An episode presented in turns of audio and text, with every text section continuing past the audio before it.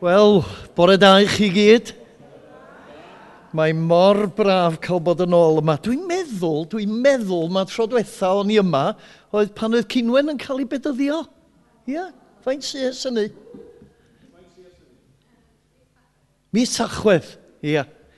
Dwi ymwynhau dod i fyny ato chi'n Nghaer Salem oherwydd mae'n amlwg bod Dyw yn gwneud rhywbeth yn eich blith chi yma ac uh, oh, mae'n gymaint o angen ar Gernarfon ac ar Gymru yn does. Chi'n gwybod, a mae'r rhaid i ni ddysgu bod yn agored uh, i'r hyn mae Dyw yn ei wneud. Dwi wedi sgwennu geiriau ar ddechrau yr, um, y meibil yma yma. Dwi'n dwi credu a'n holl galon bod hwn yn air Dyw a bod Dyw yn siarad efo ni trwyddo fo ynddo. Um, oedd Alun Tudur oedd yn cymryd y prif sesiynau'n llanw yn pwysleisio hynny un bore. Uh, oedd o'n sôn am y Red Letter Bible sydd mewn perig o roi gormod just pwys ar geiriau Iesu Grist ac anghofio'r gweddill, ond mae'r Beibl i gyd yna i'r Dyw ynde, a mae'r rhaid i ni ddysgu i ddarllen o yn ei gyd-destun. A dyma beth dwi wedi sgwennu ar ddechrau, uh, ar ddechrau y Meibl y fama. yma Mae gair Dyw yn nwylo unrhyw un. Ond heb yr ysbryd glân, mae bob amser yn arwen i grefydda. Reit? Mae gair Dyw yn nwylo unrhyw un, ond heb yr ysbryd glân, mae bob amser yn arwen i grefydda. Mae'n adnod yn ail Corinthiad sydd yn dweud bod y llythyren yn lladd ond yr ysbryd yn rhoi bywyd. A nid gwrth gyferbynnu y gair a'r ysbryd mae'r apostol Paul yn fanne, ond dweud bod rhaid cael yr ysbryd i agor y gair ac i ni ddeall y gair yn iawn. Felly gadwch ni jyst gweddio gyntaf.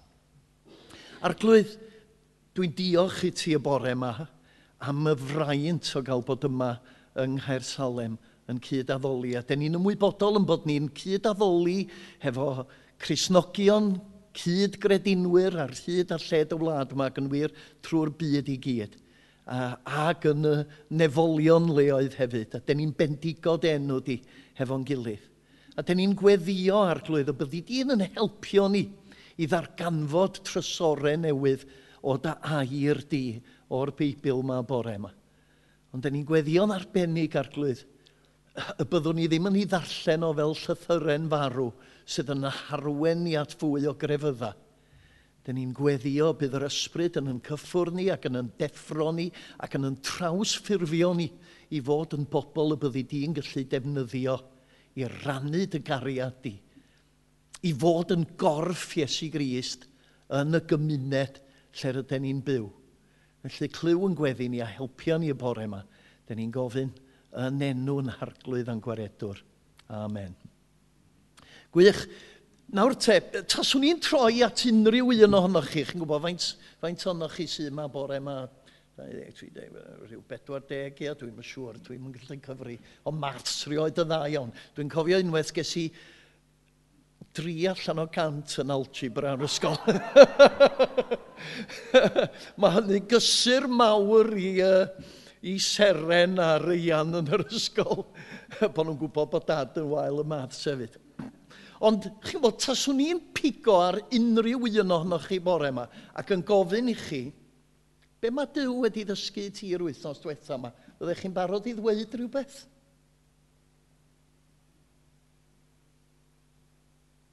Meddyliwch am y peth am munud. Ydy Dyw wedi bod yn siarad efo chi yn ystod yr wythnos diwetha? Ydy Dyw wedi charwen chi ymlaen yn eich bywyd Cresnogol? A reswm pam dwi'n deud ydy, mae y, y baich mae Dyw yn ei roed ar ynghalon i'r dyddiau yma, ydy bod rhaid i ni fel Cresnogion ddarganfod y gwahaniaeth rhwng y bywyd sydd yng Nghyst a chrefydda. Reit? A mae'n hawdd iawn i ni, fel Crisnogion, sydd yn honi'n bod ni'n credu y gair ac yn dilyn Iesu Grist ac yn dod i addoli, mae'n hawdd iawn iawn i ni'n aml lithro i grefydda. Mae'n hysbrydolrwydd ni yn dibynnu ar pa mor aml dyn ni'n mynd i'r capel, faint o gyfarfodydd eraill dyn ni'n mynd iddyn nhw, ydyn ni'n mynd i llanw a rhyw bethau felly. Chi'n gwybod?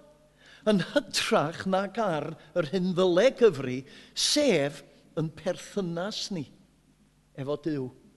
O ddydd i ddydd, o awr i awr, o funud i funud, a'n perthynas ni efo'n gilydd hefyd, oherwydd dydy Dyw ddim dim bwriadu i ni gyd fod yn unigolion just mewn perthynas efo fo.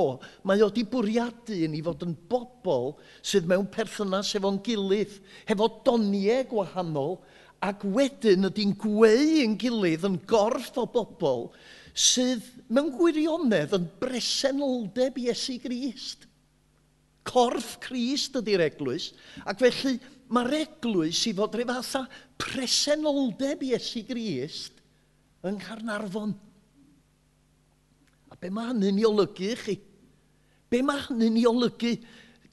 Dychmygwch am funud, jyst am eiliad chi'n gwybod, bod Iesu Grist ei hun wedi cael ei eni ac wedi dod i fyw, nid 2000 o flynyddoedd nôl, ond wedi dod i fyw rwan, a mae wedi dod i Gaernarfon.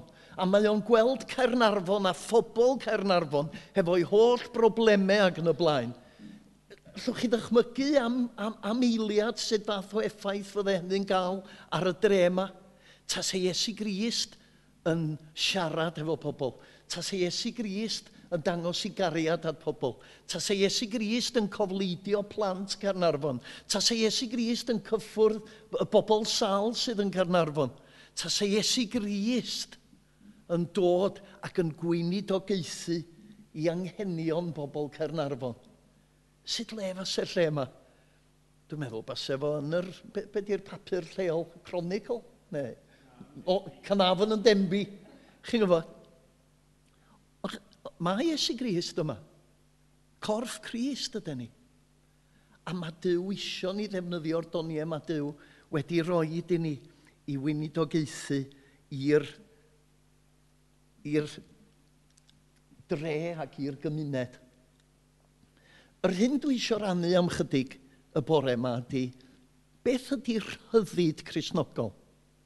Beth ydy rhyddid Cresnogol? Chi'n gwybod, mae'n gymaint o gaethiwed yn yn cymdeithas ni.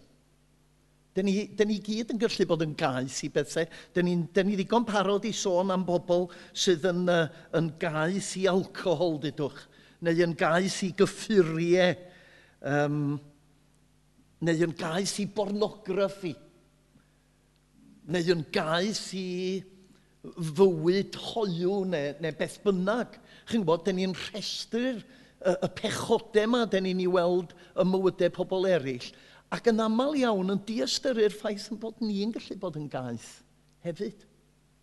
Dwi'n cofio, oedd Rachel a fi flwyddyn ar ôl i ni briodi, a mae hynny'n mynd yn ôl um, dros chwarter canrif fellach. Eithon ni un ogledd India i weinidogaethu a fuon ni yno am chwe mis, oedden ni'n gallu aros yn hirach oherwydd oedd y visa uh, ddim yn caniatau ni wneud hynny. Mi, wers, mi welson ni dlodi ofnadwy yna. A dwi'n cofio siarad efo Rachel ac oedden ni'n deud, den ni byth eisiau mynd yn ôl i fyw fel oedden ni cyn i ni ddod allan i'r India. Ac oedden ni'n dod yn ôl o'r India'n benderfynol bod ni'n mynd i, i, i fyw yn syml, bod materoliaeth ddim yn mynd i gael gafel yn o'n i ag yn y blaen. Chi'n gwybod? A beth sy'n digwydd wedyn, mae plant yn dod a mae gennyn nhw eisiau Xbox a rhywbeth felly.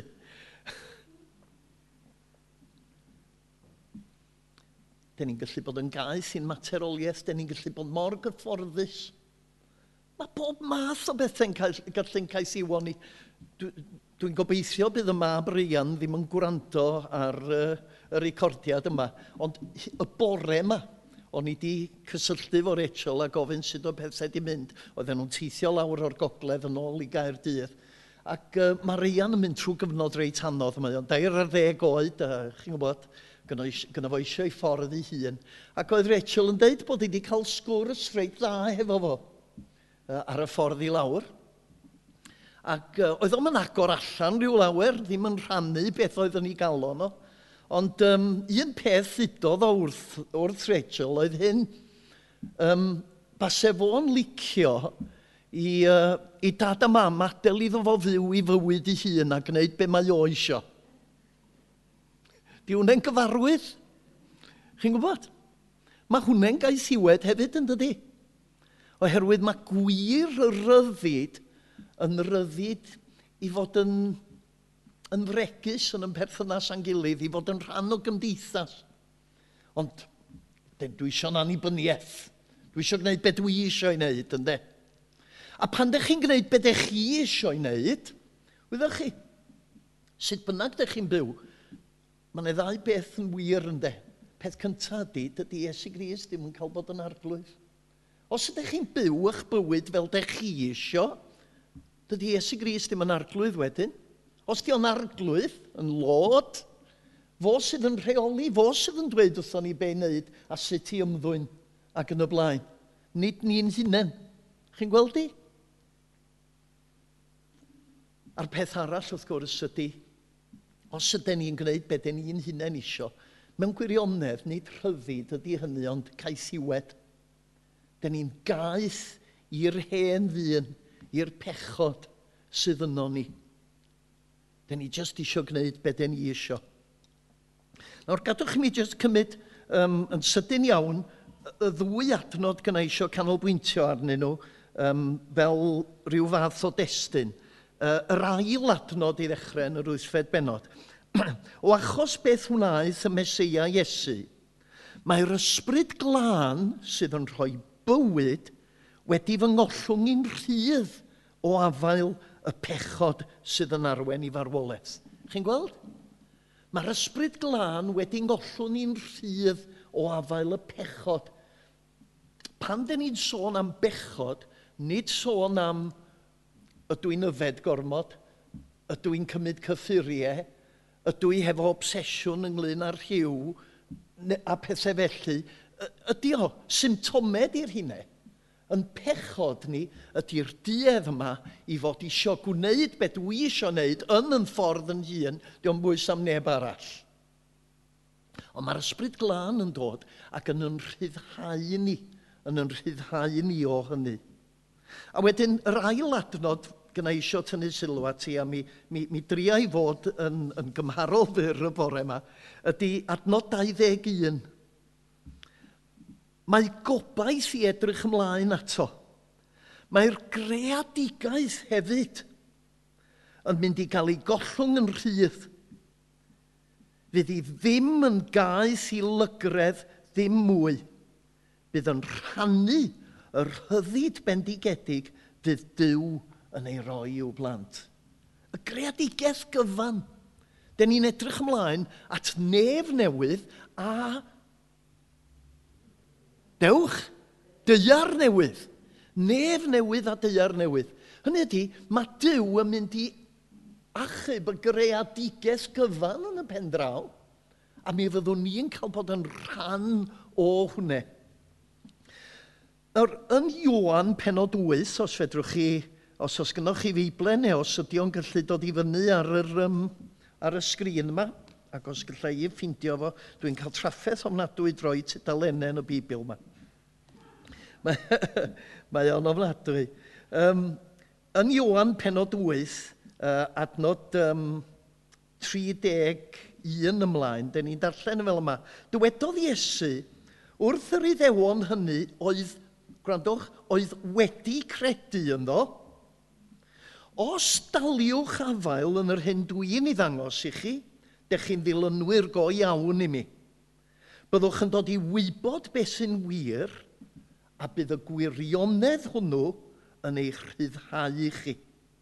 Reit? A maen nhw'n ymateb, dyn ni'n ddisgynyddion i Abram, medden nhw. Fi o'n i rioed yn gais wision. Felly beth wyt ti'n ei feddwl wrth ddweud byddwch chi'n cael bod yn rhydd?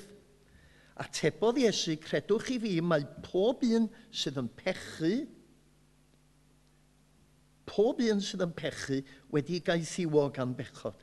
A dydy ceithwas ddim yn perthyn i'r teulu mae'n ei wasanaethu, ond mae mab yn perthyn am byth. Felly, os ydy'r mab yn eich rhyddhau i chi, byddwch chi'n rhydd, byddwch chi'n rhydd go iawn. Ar rhyddid, mae Paul yn sôn amdano fo yn yr wythfed benod o rhyfiniad. Rhyddid y Crisnogion. Reit? yn rhyddid ni i fyw fel mae Dyw isio ni fyw, nid i fyw fel den ni isio byw. Ac uh, os, os ga i ddeud hyn, chi'n gwybod pan o'n i'n gweithio ar Beibl.net, ddari fi fwynhau, mae pobl yn aml yn gofyn i mi, beth ddari ti fwynhau gyfieithu fwyaf? Dwi'n meddwl bod fi, mae'r rhifiniad yn dod yn o agos i dop y list. Boes bach, mae o'n rhyfeddol o lythyr. Ac os gai channog chi yma yma, wyddwch chi beth ydy un ffordd den ni'n mynd yn gaeth i fod yn grefyddol? Un ffordd den ni'n mynd yn gaeth i fod yn grefyddol ydy yn bod ni yn meddwl bod darllen rhyw un benod o'r Beibl bob dydd be mae Dyw isio ni wneud. Gai eich annog chi weithiau i eistedd i lawr ac i ddarllen llythyr cyfa. Darllenwch rhufiniad o'r dechrau i'r diwedd a mi welwch chi rhediad y llythyr cyfa. A be mae Dyw yn trio i ddweud wrtho fo. Dych chi'n bod, dych chi, dydwch o'n, pan, pan o'n i'n, pan o'n i'n canlyn, uh, am, do, mi fues i'n canlyn ar un adeg, pan o'n i'n canlyn efo Rachel, oedd hi'n byw yn Llundain, o'n i'n byw yng Nghaerdydd, oedden ni'n danfon llythyrau at yn gilydd. O'n i'n text bryd hynny, Do'n e ddim FaceTime, do'n e'n byd felly, o'r rhaid sgwennu llythyrau. Ac o'n i'n danfon llythyrau, chi'n gwybod? A mae'r rhaid i mi gyfadde, dwi wedi cadw, dwi wedi cadw'r llythyrau di Rachel, i'n gwybod hynny. Dwi'n wedi dod ag un efo fi i ddyfynnu. Ond dwi wedi cadw nhw ag o rei ohonyn nhw'n yn hir iawn iawn. Yn hir iawn iawn. Nawr, ydych chi'n dychmygu fi yn derbyn llythyr gen Rachel ac yn ei agor o. O, ddarllenau rhyw ddau baragraff rwan a wedyn, ddarllenau ddau baragraff arall fory. Na, o'n i'n iste ac o'n i'n darllen trwy'r cwbl lot oherwydd o'n i'n excited o fod wedi derbyn llythyr gen i. A faswn i'n faswn licio, faswn i'n licio i ni feddwl, am air Dyw felly, pan den ni'n troi at y Bibl, den ni'n agor y Bibl oherwydd bod ni'n credu bod gan ddiw rhywbeth i ddweud wrthon ni. A, a, a, a, a bron, os liciwch chi, bod ni'n darllen ac methu roed y lawr.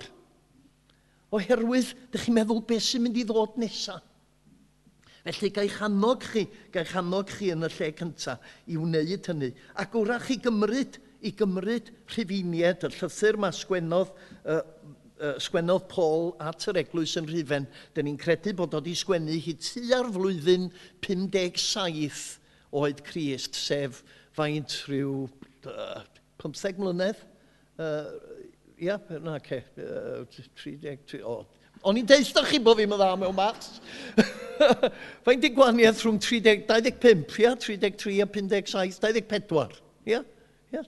Rhywbeth felly o flynyddoedd ar ôl i Esu Grist gael ei groesoelio a'i atgyfodi. Ar ddechrau'r llythyr, yn y benod gyntaf, be ydych chi weld ydy ynddo, y broblem. Ac, ac mae Paul yn dweud bod ne broblem fyd eang, mae o'n sôn am bechod. Mae Dyw yn y nefoedd yn dangos i fod yn ddig ac yn cosbi'r holl bethau drwg mae pobl ni'n wneud yn ei erbyn. Maen nhw'n mygu'r gwirionedd gyda'i dreigioni. Mae beth sydd i wybod am ddiw yn amlwg. Mae Dyw wedi wneud y ddigon clir i bawb. Er bod Dyw ei hun yn anweledig, mae'r holl bethau mae wedi creu yn dangos yn glir mae fod i'r Dyw go iawn a bod i allu yn ddi ben draw. Dych chi wedi sefyll yn edrych ar y wyddfa ac ar ogoniant y greadigaeth yma. Neu dych chi wedi sefyll ac edrych ar blentyn bach newydd i enni. Neu dych chi wedi sefyll ac edrych ar, ar flodyn neu ar bili palan neu rhywbeth a meddwl, oh, wel, diwnem llawer o beth. Chi'n gwybod, mae, mae, mae, dos na ddim esgus gan bobl. Mae'r greadigaeth yma yn dweud wrthon ni pwy ydy Dyw, ond, ond, mae'r ddynol rhyw wedi troi cefn ar ddiw. A wedyn, pan mae o'n mynd i'r ail benod, mae o'n dweud peth diddorol, mae o'n sgwennu os cofiwch chi, at Grisnogion yn Rhyfen, a fel yma mae o'n dechrau'r ail benod. Ond wedyn, beth amdana ti? Mae o di rhestru holl ddrygioni y, y ddynoliaeth yn y benod gyntaf. Mae'n dweud, beth amdana ti? Ia, ti sydd mor barod i farnu pobl eraill a gosod dy, dy ffon fesur arnyn nhw. Beth ydy dy esgus di? Y gwir ydy, rwy ti'n gwneud yr un pethau.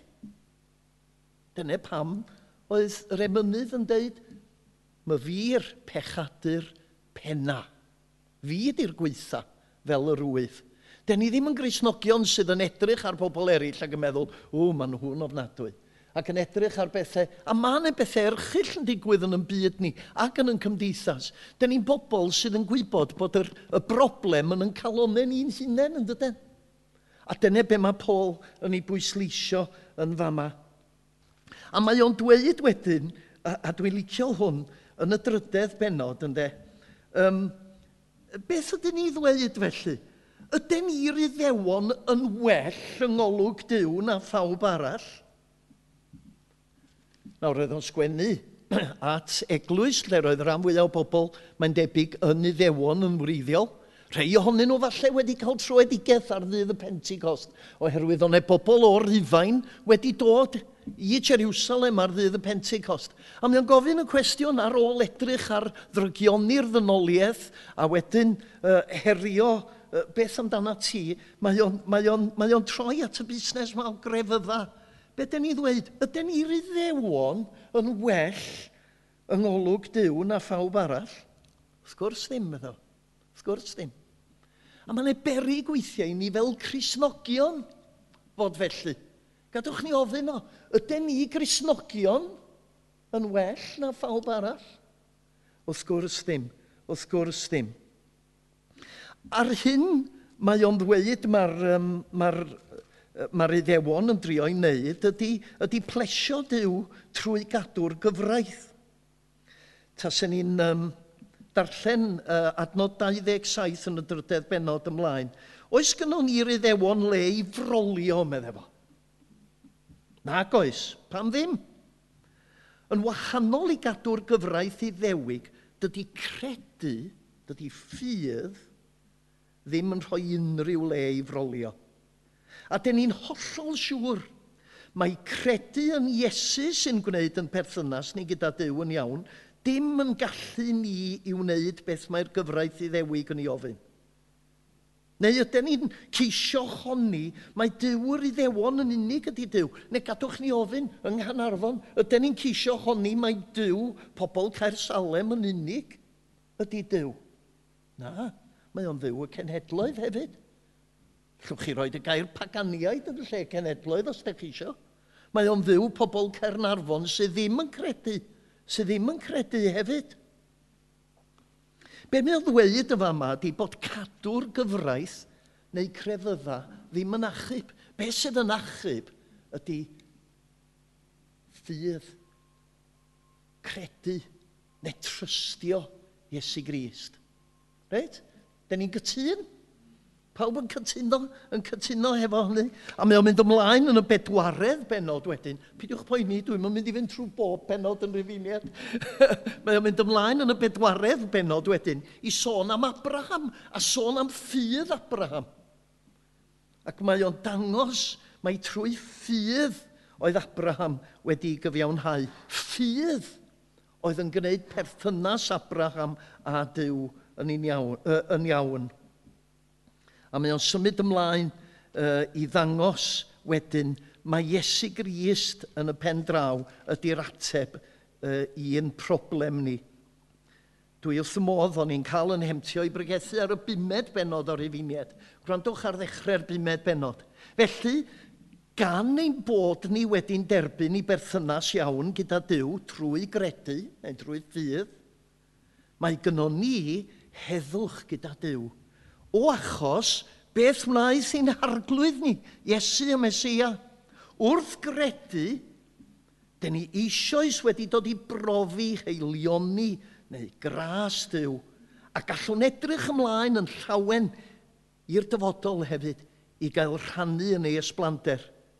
A dyn ni'n gallu bod yn llawen hyd yn oed pan dyn ni'n dioddef hyd yn oed pan dyn ni dioddau. A mae yna ma, Grisnogion yn dioddau yn byd ni heddiw. Sgynno ni'n syniad. A mae pobl yn fodlon marw. Os rhai ohonoch chi yn derbyn y cilchgrawn um, Barnabas, Barnabas Fund. Chi wedi darllen yr golygyddol yn, y, yn, yn, yn Cilchgrawn Barnabas, stori anhygoel. Gai, gai dweud i'n sydyn, Mae gynnau ddwy awr ydy testyn does. o gadwch mi jyst rhannu profiad Cresnogion yn, yn um, Nigeria, dwi'n credu oedd o, Gogledd Nigeria, Boko Haram, yr, yr, y grŵp eithafol muslemaidd wedi ymosod ac wedi herwgipio cynulleidfa grisnogol gyfa. Reit? Ac wedi gofyn i arweinwyr yr eglwys wadu bod nhw'n credu yn Iesu Grist. A dweud wrthyn nhw, os na newch chi wadu Iesu Grist, gewch chi'ch seithi.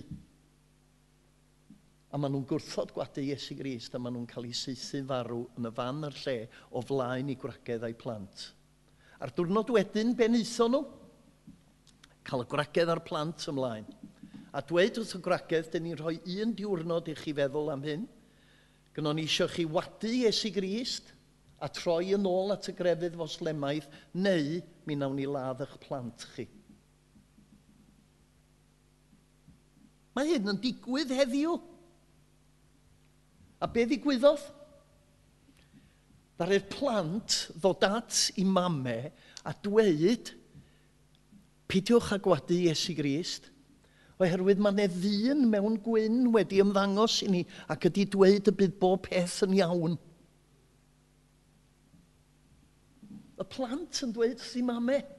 A mae'r diwrnod yn dod a maen nhw'n sefyll yna a mae'r ma, ma, ma, ma, ma, ma um, y, y bobl yn dweud ydych chi'n mynd i wadu Iesu Grist neu ddim? A maen nhw'n dweud na, dyn ni'n credu'n Iesu Grist.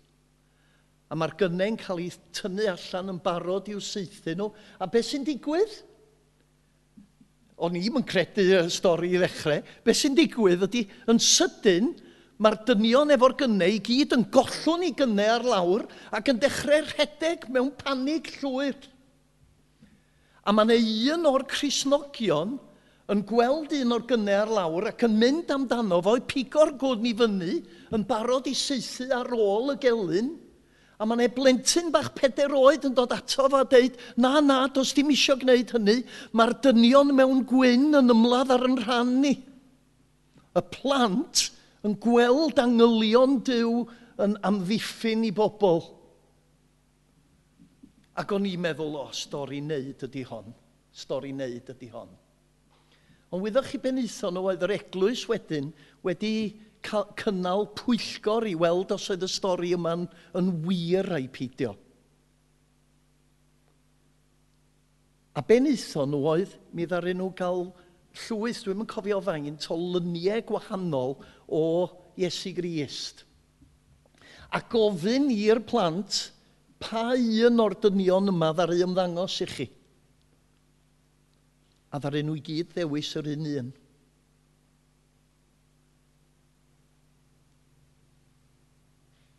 A dyma ni, dod i capel ar y syl, cyfarfod ganol rwythnos, dyn ni'n crefydda, Crefydda uniongred, efengolaidd, cywir iawn, credu be mae'r Bibl yn ddeud ac yn y blaen, ond crefydd ar ei fath. Ond i bai bod ni'n gadael i'r ysbryd glân weithio trwyddo ni a'n gwneud ni yn gorff Crist sydd yn gweinidogaethu i'r gymdeithas yn y drema. Chi'n gweld beth dwi'n dweud? Mae Paul yn dangos beth ydy'r ateb Gallwn edrych ymlaen yn llawen i gael rhannu yn eis blander. A da ni'n gallu bod yn llawen hyd yn oed pan da ni'n diodde. Am ein bod ni'n gwybod fod dioddefaint yn rhoi'r nerth i ni i ddal ati. Mae'r gallu i ddal ati yn cryfhau yn cymeriad ni a dyna sy'n rhoi'r gobaith hyderus sydd gynno ni. Da ni'n gwybod y byddwn ni ddim yn cael yn siomi yn y gobaith yma am fod Dyw eisoes wedi tywallt ei gariad yn ein calonau trwy yr ysbryd glân. Trwy yr ysbryd glân. Nawr, yn sydyn iawn, dwi wedi cyrraedd y benod. Yr wythfed benod. Sgynna i'n gloc ymlaen i fan cw. 20 munud i saith. OK. Gair i ddeg munud gyda chi, dwi'n gwybod be di gloch, sgleis. Mae di troi ydi. Ei, ia, ia, pidiwch a gadael, pidiwch a gadael. Wyddoch chi, gawch mi ddeud hyn. Dwi'n hapus i chi, dwi'n hapus i chi anghofio bob peth dwi wedi ddeud bore yma. Os newch chi addo i mi, rewch chi yn ôl adre a darllen y gair yma, a darllen y benod eto. Da ni wedi bod yn edrych Uh, Wel, da ni'n mynd i edrych ni eto yr wythfed benod yma. Sydyn iawn, sydyn iawn. Dwi yn hapus i chi fynd os oes rhaid i chi. Ond gadwch mi jyst tynnu sylw at un neu ddau o bethau. Yr wythfed benod, y bed, bedder adnod gyntaf. Um, dydy'r rhai sy'n perthyn i'r Mesia ddim yn mynd i gael ei cosbi. O achos beth wnaeth, beth wnaeth y Mesia Iesu, mae'r ysbryd glân sy'n rhoi bywyd – wedi fy ngollwng i'n rhydd o afael y pechod sy'n arwen i farwolaeth. Doedd y gyfraith i ddewig ddim yn gallu gwneud hynny, am fod y natur ddynol mor wan, ond dyma Dyw yn anfon ei fab ei hun i fod yn berson dynol yr un fath a'n i bechaduried, er mwyn iddo orchfygu'r pechod oedd ar waith yn y natur ddynol, trwy roi ei fywyd yn aberth dros bechod. Gwnaeth hyn er mwyn i ni'n wneud beth mae cyfraith Dyw yn ei ofyn. A dyn ni bellach da ni bellach yn byw fel mae'r ysbryd glân eisiau, nid fel mae ein natur bechaderus eisiau. Chi'n gweld beth o'n i'n ddeud? Os ydyn ni'n byw fel dyn ni isio ac yn gwneud beth dyn ni isio, dyn ni ddim yn gadael i ddiw fod yn arglwydd. Dydy'r ysbryd glân ddim yn rheoli'n bywydau ni. Chi'n gwybod, y, y gwrthdaro yma, mae'n ma, ma, ma bwysig i ni sylweddoli yn bod ni fel Cresnogion i ddysgu byw mewn ffordd sydd yn gwbl agored i arweiniad yr ysbryd glân. Mae'r rhaid i ni ddysgu gwneud hynny, oherwydd mae'r gyfraith, ynddo, mae'r gyfraith i'r iddewon, ac fe all, fe all y Beibl i ni, heb yr ysbryd glân, fe allef o fod fel, mae o fel rheol o'r tu allan i ni. Chi'n gweld? Mae'r Beibl yn dweud wrthai bod fi ddim i fod i wneud hyn, felly dwi ddim yn wneud o. Brownie point. Chi'n gwybod? Mae'r Beibl yn dweud y dylwn i wneud hyn, felly dwi'n i wneud o. Brownie point arall ac yn y blaen. Mae'r gyfraith yn rhywbeth y tu allan i ni. Chi'n dallt? Mae'r ysbryd glân yn rhywbeth mae Dyw wedi rhoi i ni y tu mewn. Nawr, dwi eto'n pwysleisio, mae nid gwrth gyferbynnu rhwng y gair a'r ysbryd y dwi'n fannau, a dweud bod ni'n anghofio am y gair na. Be mae'r ysbryd glân yn ei wneud ydy goleuo'r gair yn helpio ni ddeall y gair yn ei gyd-destun fel bod ni'n ei fyw, yn byw yn ffyddlon iddo fo. Dyn ni'n gallu gwneud rhywbeth wedyn, yn nerth yr ysbryd glân, dyn ni'n gallu gwneud rhywbeth fedrwn ni ddim i wneud yn y nerth yn hunain. Chi'n dall? Fedrwn ni ddim dilyn Crist, fedrwn ni ddim deall y Beibl, fedrwn ni ddim byw fel mae Dyw isio ni fyw yn y nerth yn hunain. Mae gynnon ni angen yr ysbryd glân. Mae gynnon ni angen cael yn llenwi ar ysbryd. Safon y tu allan i ni ydy'r gyfraith, safon y tu allan i ni ydy'r Beibl heb yr ysbryd glân, rheole egwyddorion den i ni dilyn.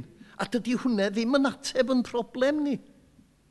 Dydy'r gyfraith ar ei phen hun ddim yn gallu yn, yn, yn hachub ni, diolch bwys pa mor galed den ni'n trio. Be mae'r gyfraith yn ei wneud, Paul sydd yn dweud hyn, ydy'n condemnio ni. Dwi'n ni'n pas o gwaith dych chi fel Cresnogion A, a dwi'n sicr wedi deimlo fo bod fi wedi siomi Iesu Grist. Chi'n gwybod? Hynny ydi, den ni'n ymwybodol o'n methiant. A'r unig ffordd den ni'n gallu dod dros y methiant yna a symud ymlaen efo Dyw ydy troi unwaith eto ato fo a cael yn llenwi o'r newydd a'r ysbryd glân. Ac o'n i licio rhywbeth ddudodd Dafydd, ddodd Alun yn um, yn Llanwr os oes diwetha, oedd o'n pwysleisio, pan den ni'n sôn am yr ysbryd glân, nid sôn am ryw bwer ydyn ni, sôn am ddiw ydyn ni. Yr ysbryd glân ydy dyw. Dyw yn dod i, dr i trigo yno ni ac i weithredu trwy ni. Chi'n bod, dyn ni'n credu yn, yn, yn Dyw a, a, a Iesu Grist yn ddwyfol, a wedyn mae ma Dyw a Iesu Grist yn danfon rhyw drydan yn rhywbeth i lawr i'n helpu ni, fo'i hun sydd yn dod i lawr i'n helpu ni. Chi'n dallt? Felly pan da ni'n sôn am yr ysbryd glân, sôn, sôn am ddiw i hun ydy ni. Felly mae dewis gynnon ni. Gadwch mi jyst darllen ymlaen. Mae'r rhai sy'n cael ei rheoli gan y natur bechadurus, adnod 5. Mae'r mae rhai sy'n cael ei rheoli gan y natur bechadurus yn byw i'r hunan.